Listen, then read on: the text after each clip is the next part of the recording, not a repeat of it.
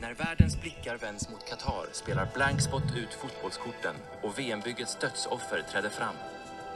Martin Schibbye, Patrik Arnesson och Britt Stakston. Cards of Qatar, Blankspot. Ja, så lät det i torsdags när vi nominerades till Stora Journalistpriset. Stora Journalistpriset. Ja, I kategorin Årets förnyare. Det är den där vilda västern-kategorin där. Eh, där Man vi- inte dit- vet vad som dit dyker vi upp. är förpassade. Ja, inte riktigt. Men det är ju lite roligt Martin, Det är- ju ändå så att vi på många sätt och vis i år, någon gång, har tänkt att summera det faktum att vi har jobbat ihop i tio år och den här sajten har funnits i sju. Och, och då börjar det kännas som att vi får komponenter med oss i detta berättande i och med att vi ju när Blankspot precis hade startat hade lyxen att bli nominerad till Årets förnyare då Ja, verkligen. också. Ja, nej, men det är fantastiskt kul att Ja. vara nominerade som Årets förnyare. Igen av alla. Vad hade de haft? 700 bidrag Mm. eller någonting. Det är ju, ja, nej men super. Superfint och nervöst om 14 dagar, så vet vi. Eh, lite mindre nu kanske. När 17 november eh, så bestämmer sig juryn för vilket av de här som ska vinna i de olika kategorierna. Ja, Mm. det var lite roligt att få veta att eh, juryn bestämmer det på morgonen den 17. Undrar om de brukar vara glada eller hur häftiga diskussionerna blir. Sen ska de ju umgås på kvällen om, man har Mm. fått, om de har stridit för olika eh, perspektiv för vinnarna. Men de måste ju enas, hela juryn Ja, enas bakom varje vinnare i slutändan. Och eh, där har ju vi väl ändå tänkt att det är kul att eh, vi, det här är ju en pågående reportageserie. det händer ju jättemycket. Jag, jag satt ju här idag och mejlade både Supreme Committee for Deliverance Legacy och till Fifa i Zürich. Mm. Här bara, nu sitter vi på en lördag för att få dem att kommentera en, en eh, inte opinionsundersökning, vad säger man? Undersökning? Ja. eh, av vad fans, fotbollsfans tycker om det här kommande VMet som vi har gjort tillsammans med Forza. Och det är ja, bara superspännande resultat. Mm. Det är över 30 000 som har svarat. Och ja, jag ska inte dra de siffrorna nu, men vill ha en kommentar från Fifa och Qatar om dem innan vi publicerar detta. På Eh, måndag. På måndag, ja. Mm. Eh, ja, nej, men verkligen pågående. Och som sagt, hade kontakt med lokala journalisterna, i, några av dem i, i Indien och i Bangladesh, också här nu under helgen. Och de är ju superglada och superstolta att vara en del av eh, detta. Eh, och, nej, men det är kul eh, att det är sånt jäkla jobb någonstans under de här två åren som har gjorts av så många journalister och som leder fram till att det blir nominerat och att fler hittar det och fler kan läsa reportagen. Och lära känna de här familjerna och människorna som man själv har kommit väldigt nära. Mm. Och också bitvis eh, tungt för oss, särskilt i relation till hur, du, hur tyst du har varit i perioder. Mm, ja. För att eh, eh, ja, men vi i, i det sammanhanget, vi är så himla små. Att det Mm. märks ju när man jobbar länge med något bakom kulisserna på, på det här sättet. Mm. Eh, Vi måste ju vara den minsta mediehuset som var nominerade. Eller? det kan man lätt Var det någon som var säga. mindre än oss? Nej, nej. Det var ju bara sådana där UG, flåsiga UG-män på, på eh, nomineringsmiddagen. Supertrevliga. Men, Väldigt eh, glada ja, alla. väldigt det glada, var ja, kul. precis. Ja, det var väldigt också roligt. etablerade och stora redaktioner och Ja. med, med researchers och fotografer och filmare och ja, verkligen stora journalistiska maskinerier som någonstans har levererat. Och så Mm. chockar vi konstant våra kollegor när vi berättar att vårt material är publicerat under den här så kallade Creative Commons-licensen som Mm. innebär att eh, NGOs kan ju använda materialet fritt och eh, bara de anger oss som källa. Mm. Eh, men vi har ju vidgat detta till eh, att också inkludera kommersiella medieaktörer som då betalar en otroligt liten summa Mm. för att vi ser ett större värde i att de här berättelserna sprids och Mm. för att det är en internationell angelägenhet. Vi har ju inga ambitioner på att bli en utländsk eller en tidskrift som ska ha utländska prenumeranter. Nej. Men att eh, i relation till det du just sa om vikten av att de här berättelserna når ut så är det ju Mm. fint att se materialet flyga. Mm, Och ja, det men var verkligen. kul att höra. Ja, det var en eh, diskussion också med några av de här grävmänniskorna som, som eh, diskuterade det här som har bubblat under hösten. Varför blir det inga drev? Eller varför de här gräven som, som sker eh, av andra redaktioner då, att det bara blir en redaktion som driver det, det är inget som plockas upp. Mm. Och då var det en diskussion, ja men hade man licensierat materialet så att alla kan använda det så hade nog fler medier gått vidare. Säg att SVT hade släppt sina filmer och eh, Mm. annat, att vi fick publicera dem och, Mm. och klippa om dem och liksom, med tydlig cred Mm. så hade man gett gräv och granskningar förutsättningar att, att nå betydligt fler.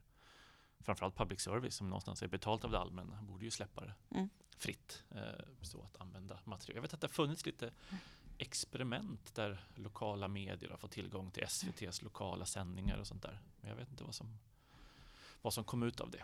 Ja, nej men sen har man ju massa tankar om eh, eh, nomineringarna i år och vad som är med och inte med och så. Men det känns som vi spar det till kommande sändningar. Eller? Ja, det gör vi. Ja, Ja, men det tar vi sen. Ja. Just nu ska vi Eh, anamma Olof Lunds mantra. Att man i 14 dagar Ska eh, fira. ska fira som 17. att man är nominerad. Eh, eh, i, I en förvissning om att man inte vinner på Mm, något sätt. Eh, han var ju nominerad som årets röst Mm. eh, för eh, eh, sitt arbete med eh, att eh, synliggöra vad som pågår i de mer slutna idrottsrummen. Mm, Eller hur? verkligen, Ja. verkligen. ja. Den största nyheten som ju har hänt i veckan, eh, en global nyhet eh, som eh, man tänker att alla borde ha plockat upp. En positiv nyhet från den afrikanska kontinenten. Det är att det äntligen är fred mellan Etiopien och TPLF-gerillan. Efter två års krig, efter tiotusentals flyktingar, tusentals döda Blodigt krig. ett blodigt krig, brutalt, våldsamt, så har då eh, ja, så kunde man se eh, hur TPLFs förhandlare och eh, den federala etiopiska regeringens förhandlare log och skakade hand i Sydafrika. Eh, jag lyssnade precis på podden om Afrika eh, som kom med sitt 149 avsnitt här i veckan. Otroligt ih- ihärdigt, i fyra år har de, har de kört på. Eh, som hade det som, som tema. Så att det kan man verkligen lyssna på och rekommendera om man vill ha detaljerna i fredsavtalet. Men, eh, nej, men det är historiskt och eh, också historiskt hur någonstans den politiska kompassen nu snurrar. Eritreas Isaias Afewerki är ju en stor hjälte för miljoner av etiopier nu. Han har ju verkligen höjt sina aktier i regionen. Eh, man uppfattar ju att han räddade Etiopien eh, i krigets början. Att de soldater som länge hade förberett sig för att kämpa mot Eritrea fick nu söka skydd i Eritrea och sen kunde anfalla tillbaks mot TPLF. Eh, så att Eritrea är ju i många etiopiers hjärtan på ett annat sätt efter det här. Eh, å andra sidan så kan man ju mm, liksom säga att Abiy Ahmed någonstans vann det här kriget för att omvärlden tittade bort. Eh, det har varit en medieskugga, det har varit eh, övergrepp som har pågått utan att någon har fått reda på vad som händer. Att den här medieblockaden någonstans, blockaden av internet lyckades. Eh, och det kan också bidragit till att ja, TPLF förlorade kriget. Eh, men det är mycket att analysera och eh, ja, det kommer texter och analyser om det. Men stort historiskt att det är, att det är fred. Otroligt. Mm. Ja, Men vi tar med tipset om den här eh, podden. mm, mm. Mm. Precis, vi hänvisar till den. Ja, du har haft att göra med Elon Musk. Jag drömmer om Elon Elon Musk. Musk, ja. Inte bra. Det är djupt osunt. sunt, ja. Ja, många, många eh, intervjuer och frågor och Mm. tokigheter som utspelar sig i realtid eh, just nu. Han verkar ju väldigt dedikerad att step into this nu. Eh, för en vecka sedan tvingades han ju köpa eh, eh, Twitter, det vill säga han insåg att det avtal som han hade försökt bryta som ju var vattentätt. Det har ju visat sig eh, under de här senaste månaderna att han avstod ju faktiskt från att göra en sån här granskning som man gör av ett företag eh, vid eh, förvärv av det här slaget. En due diligence-process som är liksom rutin. Det eh, var ju, hade han ju förvånande nog avstått ifrån. Så han hade ju aldrig liksom klarat att bryta ett avtal med hänvisning till okända fakta tidigare eller så. De hade han avstått fullständigt från att kunna ta del av. Men sen är, har det ju också visat sig att han har ju fått information och så vidare, så att han, det, det hade aldrig hållit. Och man, eh, analysen är ju att han absolut inte ville stå framför domstolen och svara på frågor. Har du själv använt bottar för att marknadsföra dina företag? Eh, vad, har, vad har han för kontakter med Kina? Han har ju fått skarp kritik för att ha fört liksom, det kinesiska narrativet om synen på Taiwan i oktober. Mm. Eh, och, Även Ukraina var han ju. Ja, nu har han ju varit väldigt, eh, liksom, ett, ett väldigt prorysk narrativ och eh, han är ju nu världens största twittrare, han har ju 110 miljoner mm. följare och ställer frågor om så här tänkbara fredsplaner med eh, Ukraina och eh, ja, men borde vi inte mm. genomföra, borde man inte genomföra folkomröstningar i de här han kallar det ju inte ockuperade regioner utan använder ju det ryska ordet eh, som jag nu har tappat bort. Annekterade? Annekterade, exakt. Ja. Mm. exakt. Så det har, det har ju varit eh, också just det att han ger sig in i, i världspolitiken på mm. det sättet. Och även den här Starlink-diskussionen där han å ena sidan vill vara hjälten och så vill han dra tillbaka det. Och, och, det har ju också visat sig att under hela den här tiden har han ju inte ensam stått för den här kostnaden, utan det är ju USA, Polen och Storbritannien. Ja, massa i Ukraina har lagt upp sina eh, kontoutdrag hur ja. mycket de betalar för Starlink varje månad. Ja. Så att, ja, det är inte gratis. Nej, så att han är ju duktig på att måla upp den här bilden av sig mm. själv som, som en hjälte mitt i alltihopa mm. också. Och så. Men nu äger han då eh, Twitter och det är ju eh, totalt kaos mm. på företaget eh, och det är ju spännande att följa. Eh, igår kväll lyssnade jag på en podd där man har intervjuat två personer som eh, fortfarande arbetar på Twitter men är övertygade om att imorgon kommer jag bli uppsagd. Och intervjuarna har då eh, förvandlat rösterna eh, så att det är en AI-robot som läser upp deras svar för att man inte ska veta vilka de är. Och de vittnar ju verkligen om en, en hemsk arbetssituation och det verkar vara väldigt mycket tokigheter om att skriva ner vilka koder man har eh, varit delaktig i och att det mitt i den här processen för de som kanske desperat vill vara kvar uppstår ju kanske ett litet utrymme för att sälja på Elon Musk en idé man har. För att han är ju ändå Eh, hyfsat snabbtänkt och kanske skulle se en innovation i något som då innebär, ja men den här spelaren behåller vi här då. Men han började ju med att avskeda de två de tre topptjänstemännen och anklagar dem för att ha begått tjänstefel, vilket är i en amerikansk kontext väldigt, väldigt allvarligt. Så att det, mm, mm, man förväntar ju att de kommer stämma honom också så har han väl kickat ut hela styrelsen och har ett litet råd och där i det rådet ingår ju bland annat eh, två personer som jag har nämnt tidigare och följer väldigt mycket och det är ju eh, riskkapitalisterna och eh, sådana som ofta investerar i olika mediebolag, techbolag då, eh, Jason Calacanis och David Sachs.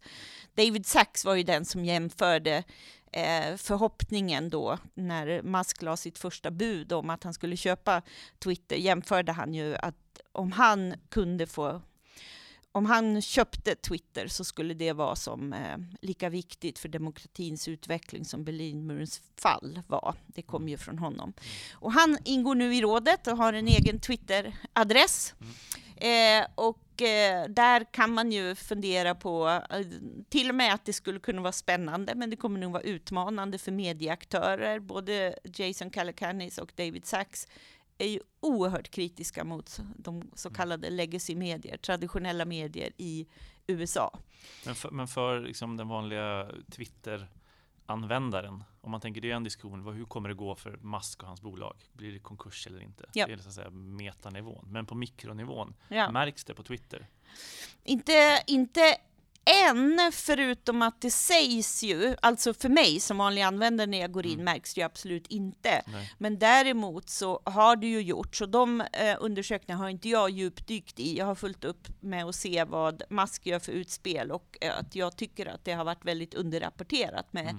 Jason Calacanis Mm, och ja, David så. Sachs Mm. närhet till Ja, det här. mm. För det, de är ändå liksom några han lyssnar på. Där finns det mycket att följa hur Mm. man har tyckt och tänkt om den här tjänsten tidigare och vad den har för roll i det amerikanska samhället. Men jag har ju sett att det snurrar, att man påstår att det är en, eh, liksom att mm, eh, eh, plattformarna överösts av n-ordet och så vidare. Men jag har tänkt att det kan ju också vara en motsatt aktivistisk kampanj som har gett det genomslaget. Så att jag, Ehm, jag skulle hävda att den vanliga användaren inte märker det eh, i eh, funktionalitetsmässigt. Så. Ehm, men eh, det är ju sånt som man får titta på de kommande veckorna. Det som ligger i, i, i farozonen här är ju att eh, efter de här topptjänstemännen som har blivit avskedade så har han ju också avskedat nyckelpersoner som bland annat har jobbat med eh, säkerställandet av modereringsriktlinjer, policyfrågor och kopplat väldigt mycket till regioner där det faktiskt handlar om liv och död i fråga om hur man eh, Eh, eh, uttrycker sig och hur man förföljer olika minoritetsgrupper och så. Så då kommer det ju ganska snabbt innebära allvarliga effekter på människor. Eh, men i det dagliga, om du loggar in, ser du ingen, ingen förändring så.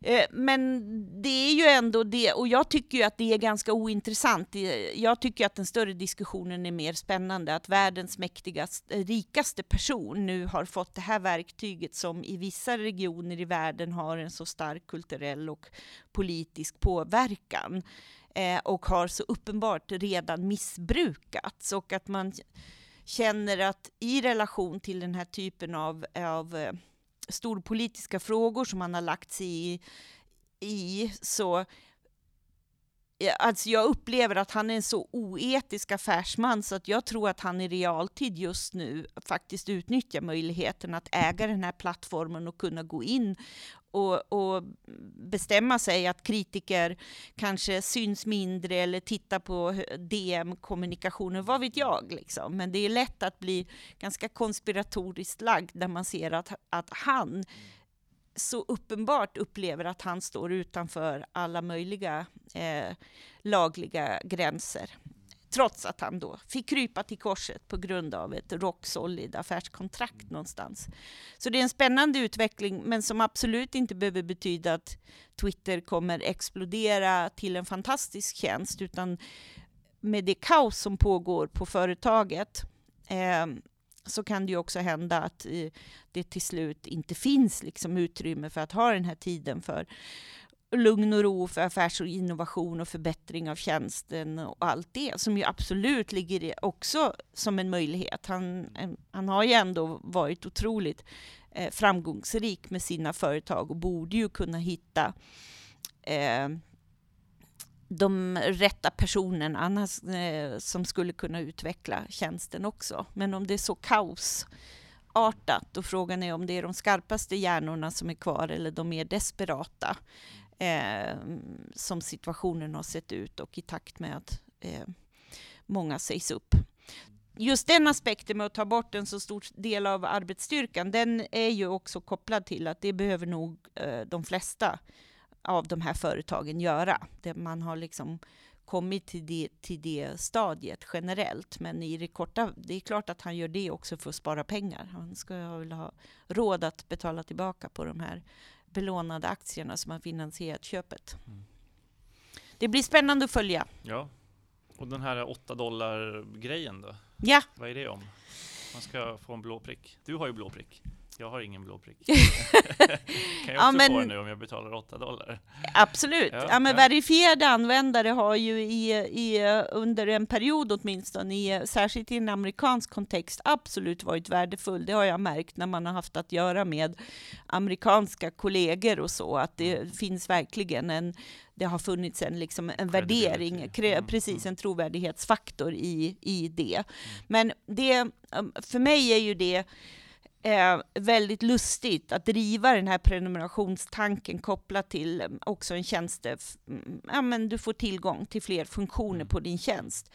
Personligen kan man ju absolut tänka sig, det är väl smutt och jättebra, men om man samtidigt går ut och säger att det man ska göra är att lansera det öppna, fria, demokratiska torget. För det öppna, fria, demokratiska torget, min rätt att gå och demonstrera och göra min röst hörd där, den, eh, det, det är ju kostnadsfritt. Så det, den jämförelsen blir ju direkt, det haltar ju på, på en gång. Och, och kopplat till modereringsperspektivet så är det ju så att även på det öppna fria torget så kommer inte jag kunna bete mig hur som helst mot mina meddemonstranter eller motdemonstranter. Eh, utan där har vi lagordning för det. Eh, Så att den där jämförelsen är ju så fullständigt naiv, men den pumpas ju ut av Eh, Elon Musk fortfarande, att det här, han vill utveckla den absolut eh, bästa jämförelsen till det öppna, fria, demokratiska torget. Och då blir en prenumerationsavgift på 8 dollar ehm, eh, direkt larvig. Men det är väl en ganska så här kort eh, eller ganska snabb intäktsmöjlighet som man ser framför sig att bland de som har verifierat så att man ska uppleva att det är ett så stort värde att man vill lägga de 8 dollar för att inte den ska tas bort. Men det verkar ju snarare finnas en ganska stark motreaktion mot det i USA. Eh, och em, jag ser ju att det är många som har plockat upp det här absurda eh, med att eh, ta betalt på det här öppna, fria, demokratiska torget. Så det får vi se hur det går med det också. Mm. Jag pratade med några etiopiska journalister igår som beskrev hur svårt det hade varit med, det var i relation till Facebook i och för sig, men under kriget så har ju Facebook strypt mediers möjligheter att nå ut med sina artiklar väldigt mycket, för man är rädd att det ska trigga etnisk rensning och annat. Alltså tanken är ju någonstans god, att man verkligen har försökt supermoderera både, ja, men både Facebook och Twitter i Etiopien och att de verkligen har märkt det när de försöker pusha ut sin journalistik, att det har varit jättesvårt. Så att de har styrt om det mer och mer mot Telegram och andra kanaler eh, för att ja, de menar att det har varit så pass begränsat. Du får ingen spridning på dina poster.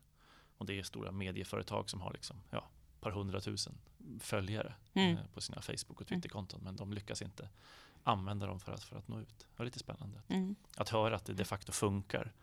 Eh, ja. Och de förstod ju någonstans de här techbolagens vilja att ta ansvar, att undvika kritiken från Myanmar och, och andra platser. Men beskrev det ju som att ja, det också alla någonstans sågs, man såg med misstänksamhet på alla som skrev om kriget. Så att då åkte även seriös journalistik med på det. Mm. Ut med det badvattnet. Mm. Ja, men den, vi får fortsätta följa det. Ja. Verkligen. Eh, och Måndag 7 eh, november, om man är i Stockholm, då Mm. kan man ju komma till Stora Nygatan 12 i Precis, jag Gamla lyssnar stans på bokhandel. dig med Olof Lund när vi pratar Ja. om Qatar och eh, VM. Ja. Eh, och sen kommer det ja, flera sådana tillfällen att lyssna på oss när vi pratar de närmaste veckorna. Vi kommer vara på MR-dagarna i Örebro också och prata Qatar. Eh, med mera, med mera. Ja, så håll utkik på sajten. Det kommer mycket spännande också i veckan eh, när vi håller på att cruncha data från den här opinionsundersökningen vi har gjort. Mm. Vad folk tycker om VM egentligen. Ja. Mm. Tack för att ni lyssnar. Och tack för att ni Hej. betalar, ni som gör det.